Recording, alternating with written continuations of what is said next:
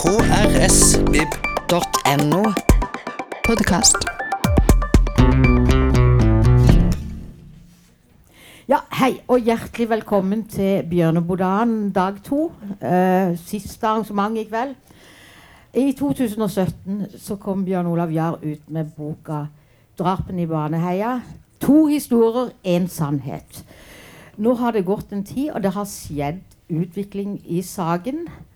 Jeg skal jo ikke gå inn i det, men det jeg skal si at den boka som nå kommer, og som er grunnen til at Bjørn Olav Jahr er tilbake her, heter 'Prosessen mot Viggo Kristiansen'. Ta godt imot Asbjørn Slettemark og forfatteren Bjørn Olav Jahr.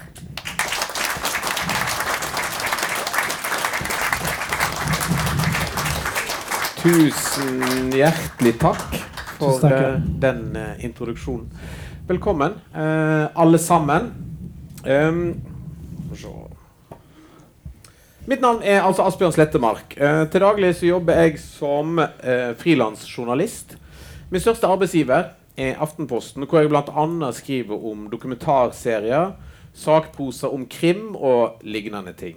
I den anledning så har jeg omtalt flere av bøkene til Bjørn Olav Jahr. Og tidligere i år så anmeldte jeg Baneheia, kampen om sannheten, dokumentarserien om eh, Baneheia-drapene, som til slutt endte opp på Discovery. Jeg har òg ved tidligere anledninger intervjua Bjørn Olav Jahr på scenen i anledning Birgitte Tengs-saken, som vi snakka om i dette lokalet her eh, tidligere i dag. Vi har òg snakka litt om Baneheia-saken tidligere. Det sitter sikkert mange i salen her som sikkert altså, kan mer om de krimtekniske detaljene i denne saken her enn meg. Og det er garantert flere her som kan mer om både juss og rettsvesenet enn meg.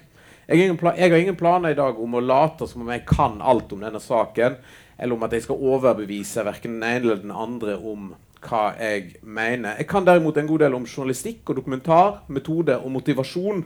Og masse av samtalen med Bjørn Olav Jahr kommer til å handle om nettopp da. I mai 2000 ble ti år gamle Lena Sløgedal Paulsen og åtteåringen Stine Sofie Sørstrøn voldtatt og drept i Baneheia her i Kristiansand. 19 år gamle Jan Helge Andersen tilsto drapet etter under en time i avhør. Senere så sa han at de grufulle gjerningene ble drevet fram av kompisen Viggo Kristiansen. Andersen og Kristiansen ble dømt til henholdsvis 19 år fengsel og 21 år fengsel med forvaring. Kristiansen har alltid sagt at han er uskyldig. Gjennom årene så vokste det fram en slags bevegelse av advokater, journalister og fagfolk som mente at Viggo Kristiansen fortjente en ny rettssak. En av dem var Bjørn Olav Jahr.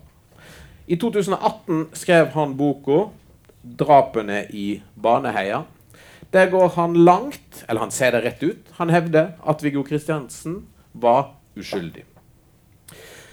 Fokuset til Bjørn Olav Jahr i boka er hovedsakelig på de såkalte altså DNA-bevisene, og da spesielt mobilbeviset. Um, denne boka skal etter hvert òg bli til en um, TV-serie. Um, og selv om Discovery-serien og Baneheia kampen om sannheten står redaksjonelt fritt, den er mer skilt fra boka enn f.eks. Brigitte Tengs serien som var basert på, på Bjørn Olav eh, Jahr eh, sin bok, som han òg var med på å lage. Selv om den står redaksjonelt fritt, så framsto han som en forlengelse av Jahrs arbeid. Tidligere i år fikk Viggo Kristiansen saka si gjenopptatt etter en syvende søknad til gjenopptakelseskommisjonen. 1.6 ble Kristiansen løslatt fra Ila fengsel etter nesten 21 år i fengsel.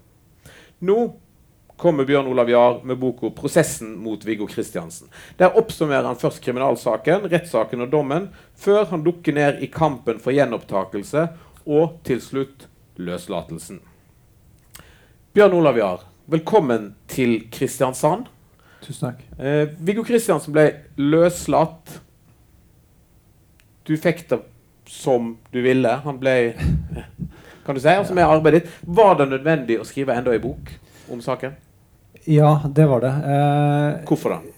vet du hva, Det er så mye som Den første boken er 90% handler om tiden før eh, Altså ti, til og med dommen eh, som faller i eh, Agder lagmannsrett i februar 2002. Mens, eh, mens eh, Bok nummer to nå, da, 'Prosessen mot Viggo Kristiansen', den, den handler om den prosessen som foregår fra eh, han kommer til Ila, eh, og han begynner jobben med å få sin sak gjennomtatt. Eh, han begynner selv å se på det i 2007. Eh, første gjennomtakelsesbegjæring lages i 2008, er endelig ferdig i 2010, og da kommer også det første avslaget.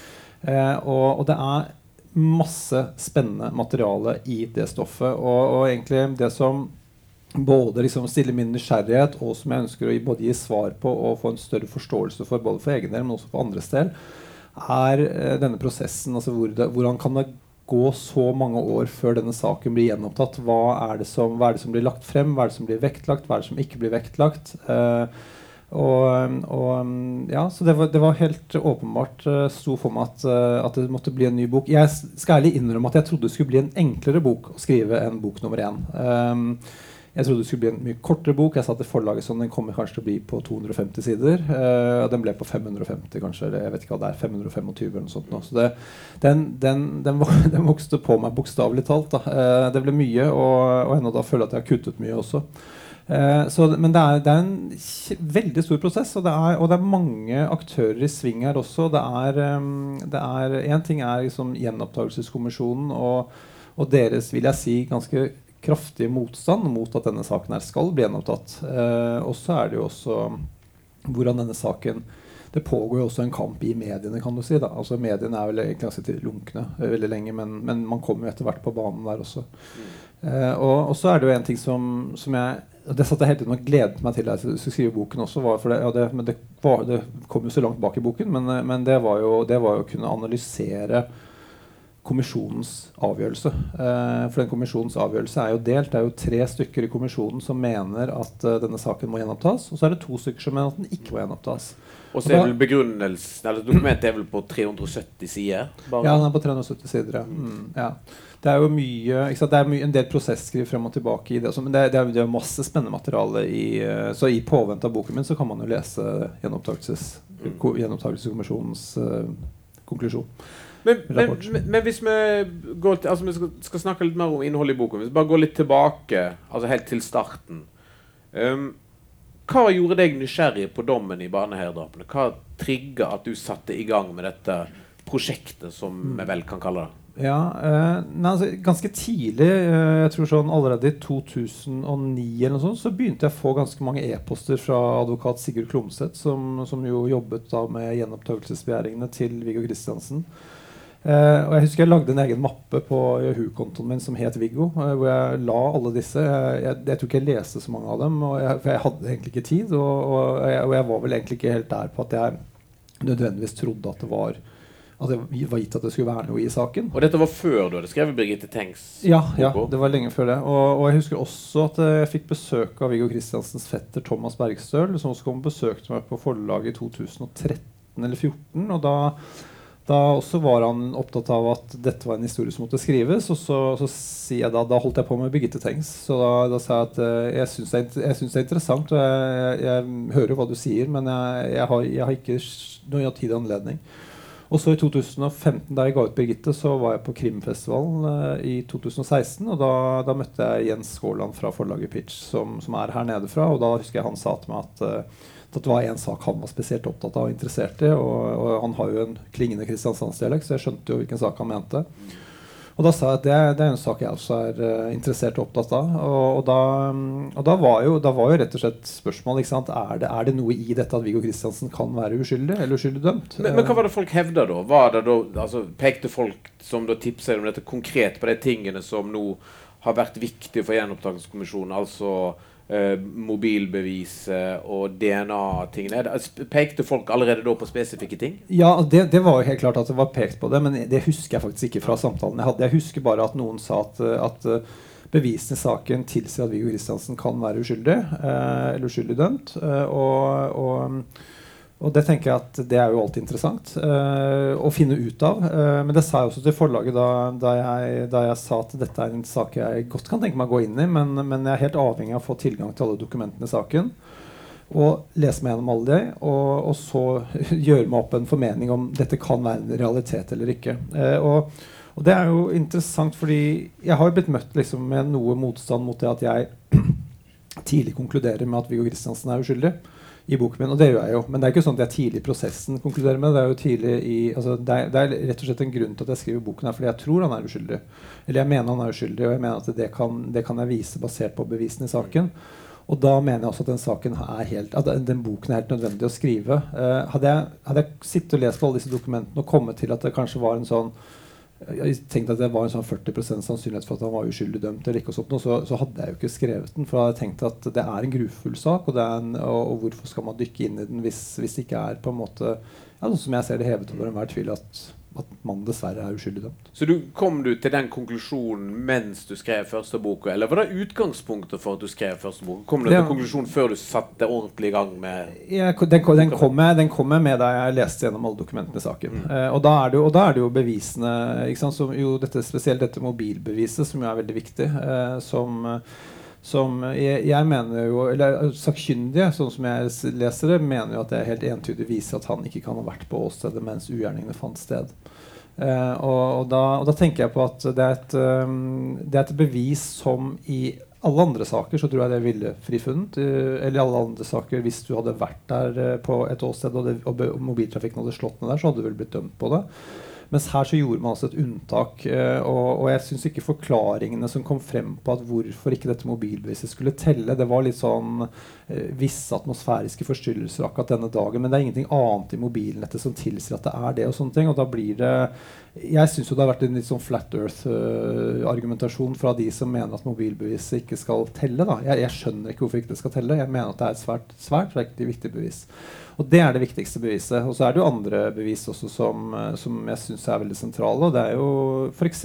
Uh, noe som jeg også fokuserte på, og som jeg gikk inn i, og som, og som jeg syns at mediene hadde hoppet veldig over, og det var jo hvordan disse jentene er drept. Uh, som jo er det er fælt å lese om, det er fælt å skrive om, uh, men det må frem. Uh, og, og, de var drept på relativt, jeg vil si identisk vis. Uh, og, og, da man, og da er det også interessant også man vet at man får tak i rapporter også etter hvert. Er, de har holdt unna sakens dokumenter tidlig, men som viser at politiet, også, ja, altså politiet hadde en gjerningsmannsprofilanalysegruppe som gjorde et godt stykke politiarbeid, hvor de også konkluderer med at dette her er én gjerningsmann. Eh, der, den rapporten ble jo skjøvet til sides? Den, den, ja, den, den, dukket ikke opp før i 2010. Um, og det var først etter den første gjenopptakelsesbegjæringen var avslått. Så, så, så, klarte Så var det Viggo Kristiansens psykolog Atle Austad som hadde fått et tips om at en tidligere venninne han hadde jobbet med den gjerningsmannsprofilanalysen, så han tipset Sigurd Klomsæt igjen videre, som fikk da denne rapporten ut fra Kripos. Uh, og, og den um, og Der er de veldig fokusert på at, eh, på at, eh, at drapene ser ut til å være plan. Altså det, det, ser ut til å være at, åstedet er ryddet og gjort klart i forkant. Eh, at det kanskje er kuttet grener i forkant. Altså at det er en planlagt handling. Da, Så da har man et helt annet scenario enn det som, enn det som ble presentert for, for retten. Hvor, hvor, man, hvor, det virker mer som at det er Viggo Kristiansen som er, som er denne gale mannen som drar med seg sin kamerat Jan Helge Andersen, og at det er på en måte en sånn seksuelt motivert drap på innfall. Mm. Um, hva var de viktigste tingene som talte mot Viggo Kristiansen for din del i starten? Altså, vurderte du noensinne å bare la saken ligge? Nei, ikke, ikke når, jeg, når, jeg, så hvor, hvor, hvor viktig dette mobilbeviset var, så tenker jeg det var det, det som bikte for meg. at Jeg tenkte at dette må jeg skrive om. Uh, når det gjaldt uh, og, og, det er sånn også, husker Jeg sånn, jeg har også møtt liksom, motstand mot dette at jeg liksom bare presenterer Viggos sak, og sånne ting, og det gjør jeg virkelig ikke. Altså, sånn, jeg tenker at Viggo Kristiansen får ordentlig kjørt seg i min første bok. Han gjør det for så vidt det i bok nummer to også. Uh, og, og og han var jo en, helt klart en, en, eh, person som hadde gjort seg bemerket i negativ forstand i, uh, i, nærområdet. Og det kom jo frem også underveis at han hadde seksuelt misbrukt en, en liten jente da han var yngre, da han var i 15-16-årsalderen. Uh, og, det er klart at det får jo også politiet i enda større grad til å tenke at dette her er en mann som er kapabel til å kunne gjøre til også kunne utføre seksuelt misbruk på andre jenter, og kanskje da til og med også drepe. Uh, så det er fortiden hans som, som, i stor grad innhenter ham, da, eller som blir, som blir det vanskelig for ham. Uh, og så er det jo og så er det Jan Helge Andersens forklaring. At Jan Helge Andersen sier at Viggo Kristiansen var med på det. At de var to stykker. Og så er det det at de, de møtes de, de, er, de, er, observert i utkanten av Baneheia Um, sånn times tid før, før drapshandlingene sannsynligvis setter i gang. Og, og de er observert hjemme hos Viggo Kristiansen i etterkant av drapene. Så de har observert før og etter. Uh, og det at, uh, og det at Viggo Kristiansen fortalte ikke om dette møtet han hadde hatt med Jan Helge Andersen oppe, på, oppe i, ved Svartkjønn, som er på utsiden av Baneheia, i forkant. det det fortalte han ikke om til å begynne med saken. Um, og det kom, frem, det kom frem etter hvert. da. Uh, det vært uh, ja, det, det, var vel det som jeg tror det er det som oppsummerer egentlig det som var grunnen til at, uh, at de peker mot Viggo Kristiansen. Mm. Um, du bestemte deg jo, så er du ganske tid, eller altså, du falt på det standpunktet tidlig at Viggo Kristiansen var uskyldig. var det et problem for deg at du da kanskje fjerne deg fra rollen som journalist og ble aktivist? ja, det, jeg har tenkt på det sånn, noen ganger sånn Skulle jeg skrevet at han er uskyldig dømt? Og så tenkte jeg men uskyldig dømt øh, Jeg klarer liksom ikke å si sånn Er du uskyldig dømt, da er du vel uskyldig. Og tenker jeg liksom så Uskyldig er uskyldig. Eh, dømt er han jo, helt definitivt. Eh, men eh, jeg ja, jeg, jeg, ser jo selvfølgelig at man, kan, at man, kan, ha den innvendingen. Og kanskje ville det vært lurt å, å spare den konklusjonen til slutt. Uh, altså ikke være så tydelig til å begynne med. På, ja, For du åpner jo drapene i Baneheia med å si at du tror han er uskyldig. Ja, ja. Og, det, og det var nok litt, sånn, litt, litt, inspirert av min forrige bok om Birgitte Tengs, hvor jeg også skriver i forordet at jeg er overbevist om Birgitte Birgittes fetters uh, uskyld uh, og, og, argumenterer for det. Og har egentlig aldri møtt noen motstand for det. Men nå skal det jo også sies at han var jo også strafferettslig frikjent og i en helt annen posisjon. Så, så det var nok mye, mer, mye, enklere å skrive det og være tydelig og ærlig på det. Men jeg, men jeg tenker sånn jeg liker veldig godt å være tydelig på hva, hva er det jeg vil med bøkene mine. Hvorfor skriver jeg det? Eh, og, så, og, så, håper jeg jo og tror at, liksom, at leseren selv kan gjøre seg opp sin mening. Eh, men det er klart at jeg er jo på en måte regissøren av disse bøkene. Uh, det, men det vil jeg være uansett hva jeg skriver. Om, om, jeg, om, jeg, gir uttrykk for min holdning eller ikke, så vil jeg jo være det. Det er jeg som bestemmer hva som skal med i de bøkene. ikke. Men jeg må jo være mest mulig tro mot, uh, mot dokumentasjonen og, og, det som er reelt der. Men, uh, men, det er klart, det ligger jo alltid en Det ligger jo alltid, og jeg tenker sånn um, hvis du tar dette journalistiske, så er det klart det å skrive en artikkel, en enkeltstående artikkel, og sånt, og den kan du gjøre veldig journalistisk og veldig med avstand. og sånne ting. Altså Skal du skrive en hel bok, så tror jeg du trenger litt mer, litt mer av, det, av din, egen, din, egen, analyse inn. da. Eh, også, og jeg tenker også at en, at en, forfatter kanskje også er litt mer i, i, i skjæringspunktet mellom en journalist og en kommentator. Eh, det må bare, jeg tenker også det må være, være tydelig eh, at, at, det fremkommer at dette er min, min mening. da. Mm. La oss gå litt inn i um, materien som utgjør den kommende boka, 'Prosessen mot eh, Viggo Kristiansen'. Der bruker du, altså På samme måte som du i 'Drapene i Baneheia' bruker veldig masse tid på Viggo Kristiansens barndom, oppvekst um, Altså Det er jo i, i, store deler av den boka så er jo det et, et familieportrett av en ganske vanskelig oppvekst. Mm. Eh, en ganske vanskelig situasjon for uh, familien. Uh, på samme måte så bruker du jo masse av den nye boka som jeg har fått, fått lese på forhånd, på Viggo Kristiansens tid i fengsel. Mm. Um, for det som du ikke har lest boka, hva, hva, hva, har han brukt tida på i fengsel? ja, Han har jo vært veldig lenge i fengsel. Uh, og, og jeg har vært så heldig at og det tenker jeg sånn, at jeg har opparbeidet en tillit til Viggo Kristiansen. Jeg har besøkt ham på Ila sikkert uh, 35-40 ganger eller noe sånt nå. Eller kanskje rundt 35. Uh, og hatt mange fine samtaler med han der. og sånne ting. Og Den boken er på en måte ingen samtalebok. det er ikke sånn, Jeg, jeg siterer ikke Viggo Kristiansen fra de samtalene. og det er på en måte, Han har jo alltid vært veldig opptatt av at det skal være saken og ikke han som er i fokus. og sånne ting, ikke sant? Som jo av og til kan være litt vanskelig å skille også. Men, uh, men for min del så, så, var det det som var det viktigste der, at jeg fikk tilgang til, um, til uh, utdrag fra journalen. altså de, de utdragene som, som de som har skrevet risikovurderingene, altså psykiatere og psykologer som har skrevet risikovurderinger på Viggo Kristiansen, som handler om, om, hva slags risiko det skulle være for at eventuelt han blir satt fri eller permisjon. Og sånt. Og da, da lages jo store, fyldige rapporter eh, hvor man får veldig innsikt i det indre liv også i fengsel. Eh, og, og i, i, en av disse rapportene så, så, det, så hadde også Viggo Kristiansen gitt, uh, gitt den uh, psyki psykiatriske opp, oppnevnte eller psykologspesialisten som var oppnevnt, hadde gitt henne aksept for å få hente inn, uh, hente inn uh, journalene fra Atle Austad, som var psykologen til Viggo. Da. Og da lager hun igjen et utdrag av det, da, som igjen jeg har hatt tilgang til. Så jeg har ikke hatt tilgang til alle journalene hans, eller hele journalen hans, men jeg har tilgang til, til det utdraget som denne psykologspesialisten brukte. Eh, og da får man et veldig interessant innblikk i Viggo Kristiansens liv i fengsel. Og egentlig en veldig interessant også eh, dynamikk mellom ham og psykologen hans. For det, for det Viggo Kristiansen er jo han, han, går, han, er, han, sier at til å gå til behandling hos Atle Austad, og Atle Austad, som er psykologen hans, han er helt sikker på at han er skyldig. Uh, han sier at de fleste er jo det, og det er det som er hans jobb. Han må ta utgangspunkt i. Og han skal på en måte hjelpe ham til å komme til en erkjennelse og, og og hjelpe ham til å, til å, ikke begå overgrep eller ikke begå drap igjen, da, eh, som han tror. Og, men så, så, blir jo psykologen også etter hvert ganske overbevist om at dette er feil. Altså ikke, det, ikke, dette med seksuelt misbruk av en liten jente i forkant av noen år i forkant av drapene, for det har Viggo Kristiansen erkjent, og det, det, det, går han også til behandling for. Men, eh, men dette med drapene får også ikke psykologen hans til å stemme etter hvert. Hva, hva, er det som overbeviser psykologen fra å tro at han er skyldig til at han er uskyldig? Uh, ja, det er et godt spørsmål. Uh, hva er det som får ham til å Jo, vet du hva, det er fordi han, han bruker veldig lang tid før han For han vil ikke la seg påvirke av ytre omstendigheter, sier han, så han bruker lang tid før han setter seg ned og leser dommen.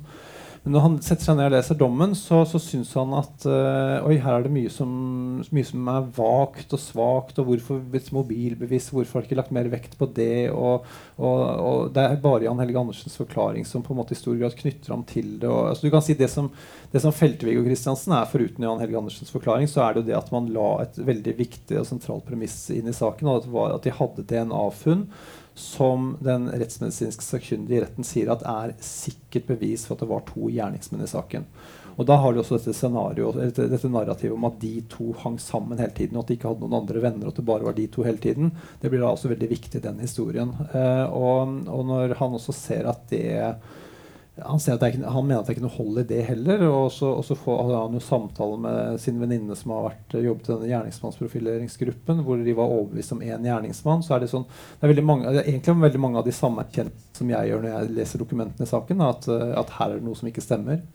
Eh, og så, så, er det jo, så jo Atle som hjelper Viggo Kristiansen til å begynne med å, å, å forberede en søknad til Gjenopptakelseskommisjonen, og som også setter han i kontakt med advokat Sigurd Klomsæt. Um, syvende forsøk på å få saken gjennomtatt. Først da lykkes det. Hvorfor tok det så lang tid? Og mange av disse si, bevisene, eller mangel på bevis, har jo ligget der egentlig hele tida. Hvorfor, har gjenopptakelseskommisjonen plutselig nå snudd? Er det ja. for, for å Spør litt mer spissa, da. Er det pga. bøker som du har skrevet? Er det pga. media? Er det pga. det har blitt et trøkk på saken? Har media vært en aktør? Mm, jeg her? tror nok eh, du vet sånn, med, altså, Mediene har nok Sånn, sånn i utgangspunktet så, det, så, var det bare én journalist, Eivind Pedersen fra Dagbladet, som var, som var kritisk til, eh, til, at det var noe feil ved denne dommen. Og han var vel òg og dekka rettssaken? Han dekket også rettssaken, ja. Mm, og, og, og, jobbet også i mange år senere med dette her, og, og prøvde jo å sette fokus på at det kunne være noe galt. Jeg tror han hadde ingen særlig, jeg tror ikke det var noen særlig kollegaer som var med på, den, på de notene. Uh, så det tok veldig lang tid før mediene våknet. Uh, og når det tar så lang tid du kan si, Det, er, det riktige er, eh, er det, var, det, var, det, er femte begjæringen han, som han leverer inn som det blir på. Men det er, det er to klagesaker, så, så, det at du sier syv, er på en måte greit nok. Altså det, er vel vanlig å, å, å, snakke om syv, men ikke sant? fem pluss to, kan man si. Uh, det som, det som, skjer, er og det er helt rett i at vet, dette mobilbeviset det er, present, det er presentert i første begjæringen. Eh, og, og, mobil, og, og, DNA som viser at fordi de får tak i, i bakgrunnsdokumentasjonen for DNA-analysen som blir gjort i Spania, og der kommer det frem i den ene prøven, en av fire prøver, så kommer det frem at det var DNA-resultater fra fire forskjellige menn. Eh, og det, det, ble holdt utenom. altså Det ble ikke fremlagt for retten. Det ble, det ble kategorisert som en negativt funn. Mens der man mente at man hadde resultat fra to personer, det ble lagt frem i retten.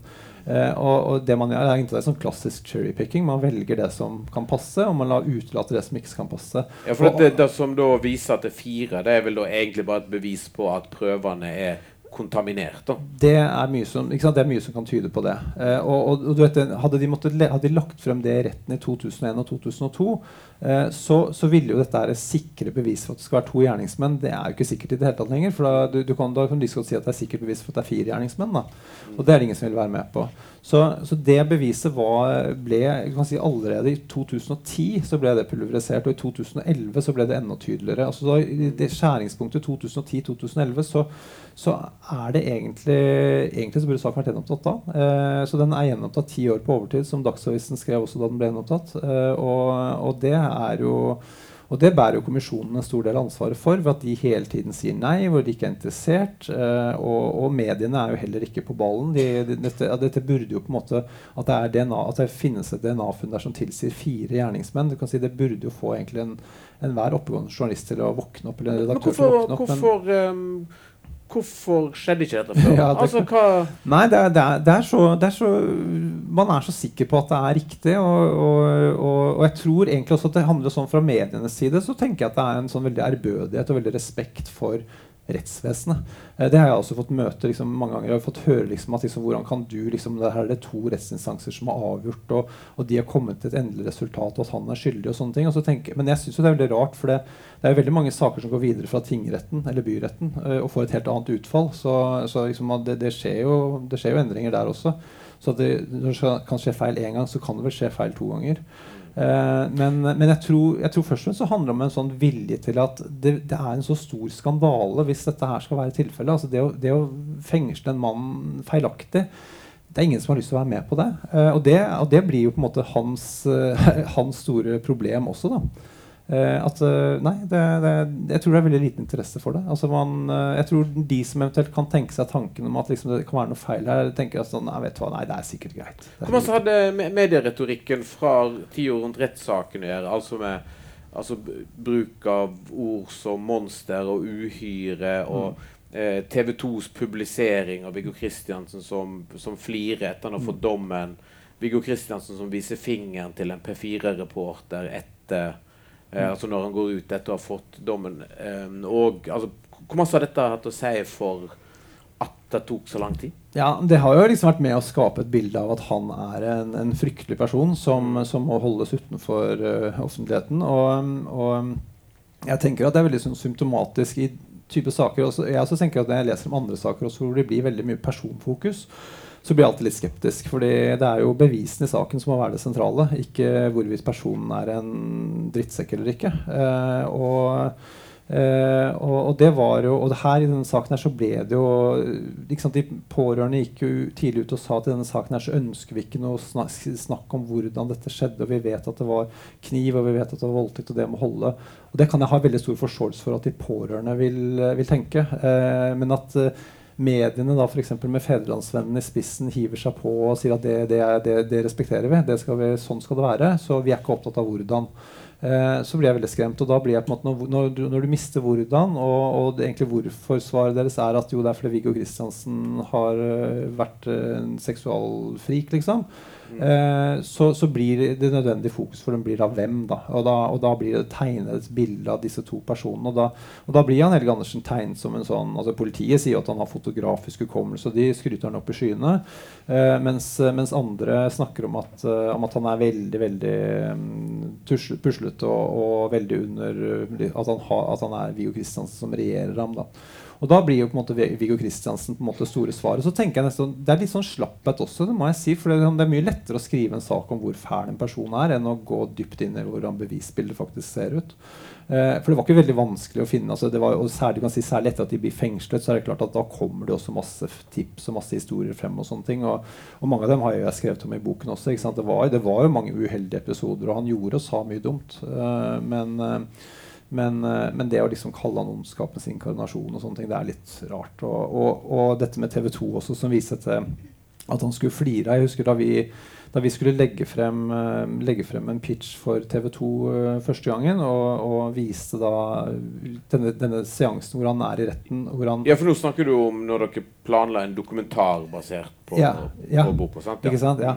Og da, da, da, husker jeg, da husker jeg alle disse sjefene i TV 2 Da de var ferdig med å se det, så var, så var de helt sånn Oi, eh, var det å glise? Eh, det var liksom akkurat som de men jeg er sikker på at da de så det klippet den gangen, som jeg tror de aller fleste, så så alle sammen, da fikk alle ble fortalt Se, nå skal monsteret glise. Eh, og da tror jeg de fleste sitter og ser på det at å, herregud, han gliser. Liksom. Men så ser du virkelig at han, han, det er et eller annet slags grin, smil av noe slag, og så går det ganske fort over til sinne. Og så er det egentlig en, en reaksjon som, som på altså, det, du, du, kan ikke tolke skyld eller uskyld ut fra det, i hvert fall. Men, eh, men jeg, jeg, det jeg ser, er en ganske forbanna oppgitt type. Mm. Um, du har vært så vidt innom de, de pårørende. Nå må vi innom et, et tema her. Um, I forbindelse med at um, det ble lagt en dokumentar som endte opp på Discovery til slutt. Og i kjølvannet av de bok så sa Ada Sofie Austegard til TV 2 i 2019 at dette har gått fra å være en tragedie til å bli underholdning. Plutselig var det overskrifter om å lage podkast og true crime-serie. Det kom også en bok der det var veldig mye skjønnlitterære vridninger som jeg reagerte på. Jostef, eh, Jostein Sørstrøen sier det er bare vondt og trist. Det tar aldri slutt. Jeg prøver å lese minst mulig. Hadde jeg lest alt om saken, hadde jeg aldri klart å gå på jobb. Jeg blir syk av det. Klara Sløgedal. Det er ingen av oss som ønsker vår livstragedie skal bli underholdning. Det har blitt en nisje å lage underholdning av drapssaker, såkalt true crime. Det virker som om folk lytter til det og leser til det som om det var en roman eller film. Det er sårende og vondt. Og uansett hva en mener om saken, så ligger det jo et poeng her. For det fins jo ikke en strømmetjeneste som ikke profilerer seg på true crime. Mm. Um, og Discovery, som har jo lagd en, en, redaksjonelt sterk dokumentar men altså, Hvis du går inn på Discovery for å se på Eliteserien fotball, så får du jo Baneheiersaken, to nye episoder nå pressa opp. Altså, føler du noe ansvar for å ha vært med å gjøre Baneheiersaken til en klikkmagnet og underholdning? Oi, ja. Det er uh, Jeg jeg er alltid veldig opptatt jeg, sånn, jeg, jeg, sier alltid at jeg er opptatt av å engasjere. Eh, at jeg ikke underholder, men å engasjere. Og jeg tenker at dette er en svært viktig sak som jeg er veldig glad for at veldig mange mennesker lar seg engasjere av. For jeg mener at det er, det er rettssikkerhet som står på spill her, og jeg mener at det er en manns rettssikkerhet som er satt totalt ut av spill. Eh, og det er svært viktig. Eh, og så, når det kommer til de pårørende, så, så har jeg full forståelse for at det er forferdelig for dem. Og alle disse sitatene som du leser opp, det er veldig lett å å, forstå dem. Uh, og det er veldig lett å forstå at de, hvis de er veldig sikre i sin sak om at dette her er riktig, så mener jo de selvfølgelig at da, det, da er dette, alt dette er veldig unødvendig.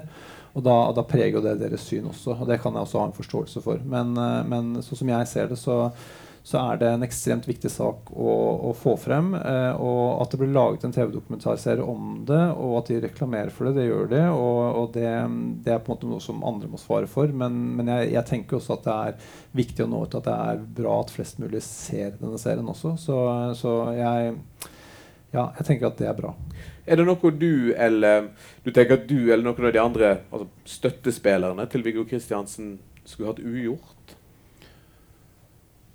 Oi, ja, det er, men det er det helt sikkert. Uh, jeg kan jo ikke svare for og, og, deg, for deg sjøl, da? Ja, for meg, ja, ikke sant? det er veldig lett å svare for seg selv. Uh, nei, uh, jeg Jeg jeg har jo jeg, jeg, jeg, har jo mange ganger tenkt i etterkant at kanskje med, med, boken så burde jeg vært litt mer tilbakeholden med hva jeg mente. At det burde komme mer på slutten. At det, liksom, at det har litt mer sånn akademisk diskusjon om det istedenfor å eh, kanskje litt sånn billig talt bruke ramboken liksom, og, og, og, slå det veldig sånn hardt fast. På en annen side så tenker jeg at denne døra her var så hardt lukket òg, eh, at det på en måte trengtes litt sprengkraft også. Så, så, så jeg, jeg har gått noen runder frem og tilbake med meg selv og liksom, ikke helt landet liksom, hva som er riktig å gjøre ikke. Eh, men um, men eh, nei, er, jeg prøver hele tiden å, å, ha en mest mulig ydmyk tilnærming til det. Uh, og, og, ha respekt for, for, den tragedien som ligger til grunn her. Men jeg har også hele veien tenkt at nei, den største tragedien er jo at disse to jentene ble drept. Men den nest største tragedien er at det sitter en uskyldig mann i norsk fengsel.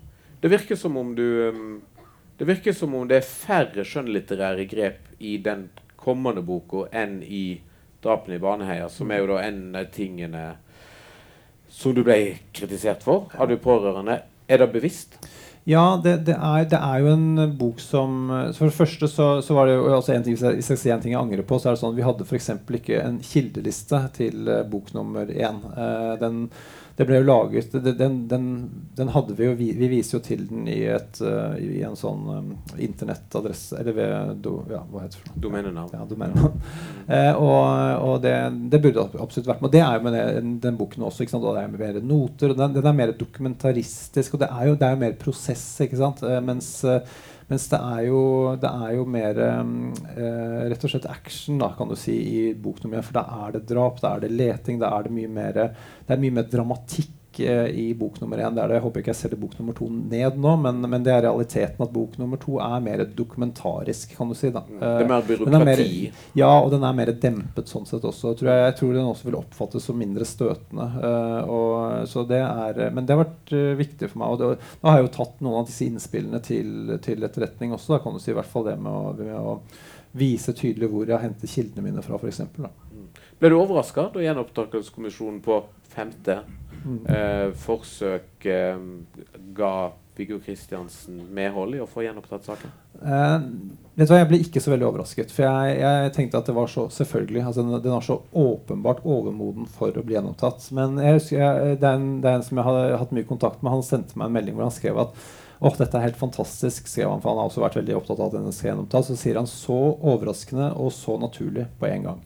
Eh, og, det er jo, jeg synes det er ganske dekkende, for det er overraskende fordi man har jo fått nei så mange ganger tidligere, og man har jo presentert de samme poengene tidligere også. Det er jo ikke så lett å, på en femte gjenopptakelsesbegjæring å presentere masse som er nytt, fordi, fordi det meste har du presentert tidligere. Eh, men, eh, men det, det, gjøres jo en fantastisk jobb med den siste gjenopptakelsesbegjæringen, hvor, hvor, det kommer da særlig inn eh, to frivillige, Halvard Sivertsen og Mikkel Tronsrud, som gjør en, som gjør en stor jobb med, med disse gjenopptakelsesbegjæringene. Og, og, og, det hjelper nok altså at de er, de er svært den er svært god, den siste gjennomtaksvurderingen. Det er den, ingen tvil om det. Også, Men er det, den, skal, er det den som er gjort annerledes, eller er det klimaet som har endra seg her, eller Um, er, det, er det, det, er vel endringer òg i kommisjonens medlemmer? Ja. Jeg tenker at klimaet har endret seg. Og jeg, og jeg, tenker at der er på en måte min bok og, og, og senere TV-serier også med på, og, og podkast som har kommet sånn, også med på å åpne opp. og Det blir en større diskusjon, blir mer bevissthet der ute. og du kan si at Sitter du i en kommisjon og skal behandle en sak som alle i hele omverdenen mener liksom bare er å legge til side, så, så vil jeg jo tenke også er lettere å legge den til side.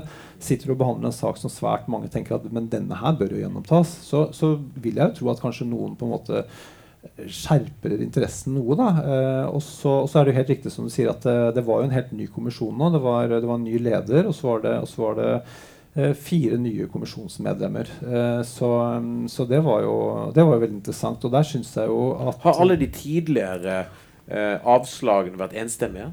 Ja. Alle som har vært enstemmige. der har alle medlemmene vært mot. sant? Ja, og nå var det tre mot to. For, ja, ja. Og det som er veldig interessant, var at nå er jo lederen i kommisjonen er jo det, en av de som er i mindretallet. Uh, og, og, en psykiater som, uh, som også som, som, støtter henne, da, som er mindretallet. Men jeg tenker at, at det, det, har vært samme saksbehandler hele veien. Og, og, og denne saksbehandleren har jo har, Det er jo han som har lagt premissene for behandlingen. Han og lederen av kommisjonen. Og, og, det som jeg syns er veldig interessant, her er at det er jo lederen og saksbehandleren som er åpenbart imot eh, og vil at dette skal være et avslag. De legger også premissene for diskusjonen, og så er det tre av fire eksterne som sier nei, vi vil at den skal gjenopptas. Det mener jeg er en veldig sånn seier for, uh, for rettssikkerheten. At man har tre kommisjonsmedlemmer som, som, som tar den avgjørelsen. Altså det, det, er noe av det fineste jeg kan tenke meg med saken. Hvor går saken videre nå? Uh, ja, det, det, tar jo tid. da. Det, jo, det, det etterforskes jo. Og, og, skal, nå skal vel både Jan Helge Andersen og Viggo Kristiansen inn til nye avhør. Uh, og, og jeg, jeg, tør ikke å si liksom, når, når, en avgjørelse kommer, for det sa man hele tiden med kommisjonen også. Det skulle jo ta Ifølge kommisjonens leder så var det en enkel sak. Uh, advokat Arve fikk ikke oppnevning i 2017 fordi saken var såpass enkel. Uh, og så tar det tre år etter før de tar en avgjørelse. Mens, mens, uh, Hva mener du med at han ikke fikk oppnevning? Han fikk ikke opp, altså Viggo Kristiansen han ønsket, han ønsket, å ha en advokat som på en måte fremmet disse gjennomtakelsesbegjæringene for ham. det koster jo penger å jobbe med det. og, og det det ønsket han å få, få, tilskudd til, sånn at advokaten kunne gjøre det arbeidet. Og det fikk han avslag? Jeg fikk avslag, ja. Mm. Eh, for det kommisjonen mente at dette var arbeid de selv kunne gjøre. eh, og, og til det beste for Viggo Kristiansen også. Og der har jo, Dette kommer tydelig frem i en ny bok nå. du ser Viggo Kristiansen, Han sitter inne, fengslet inne og han har 20 minutters telefontid i uken. Han har ikke tilgang til PC, han har ikke tilgang til dokumenter i saken.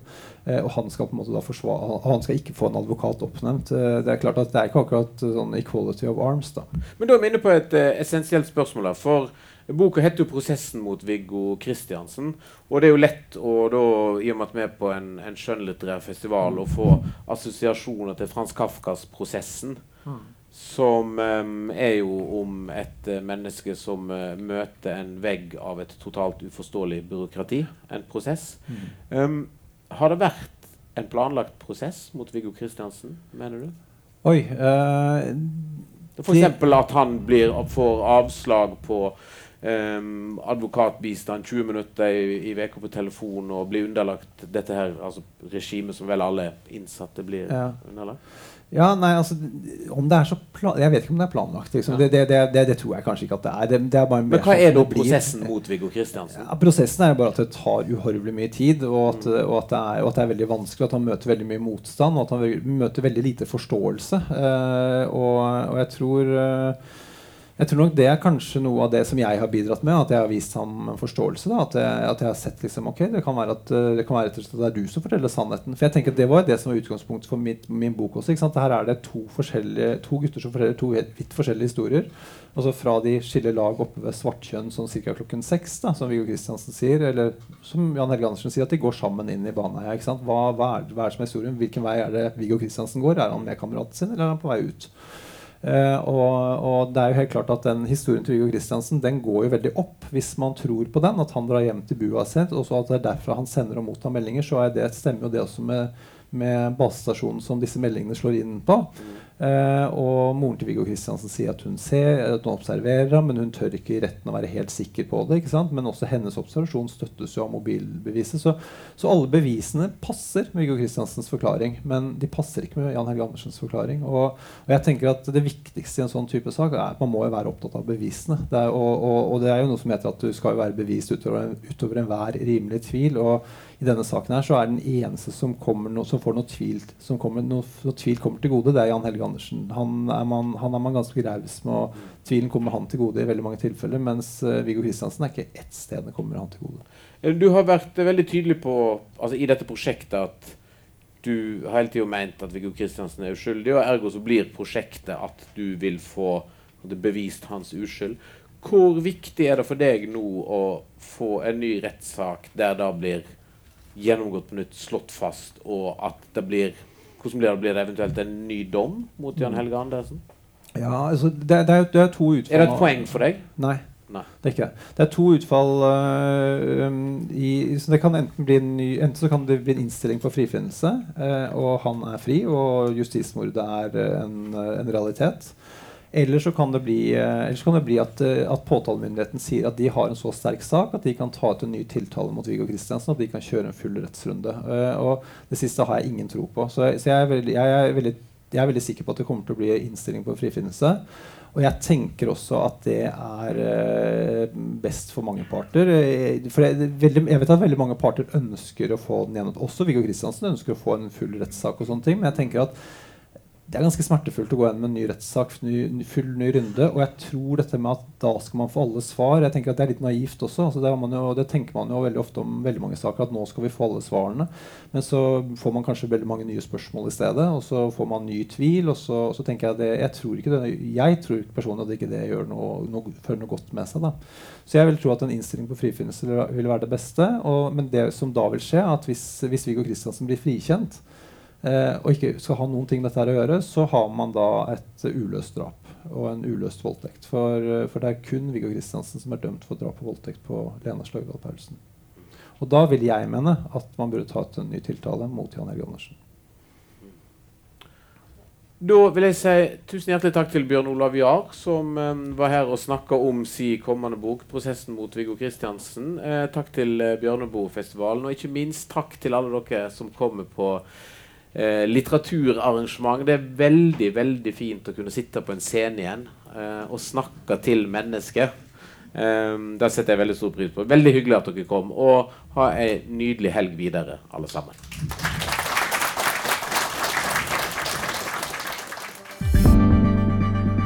Flere podkaster fra oss finner du på Google Podkast, Apple Podkast eller iTunes, eller ved å stikke innom vår hjemmeside på krsbib.no.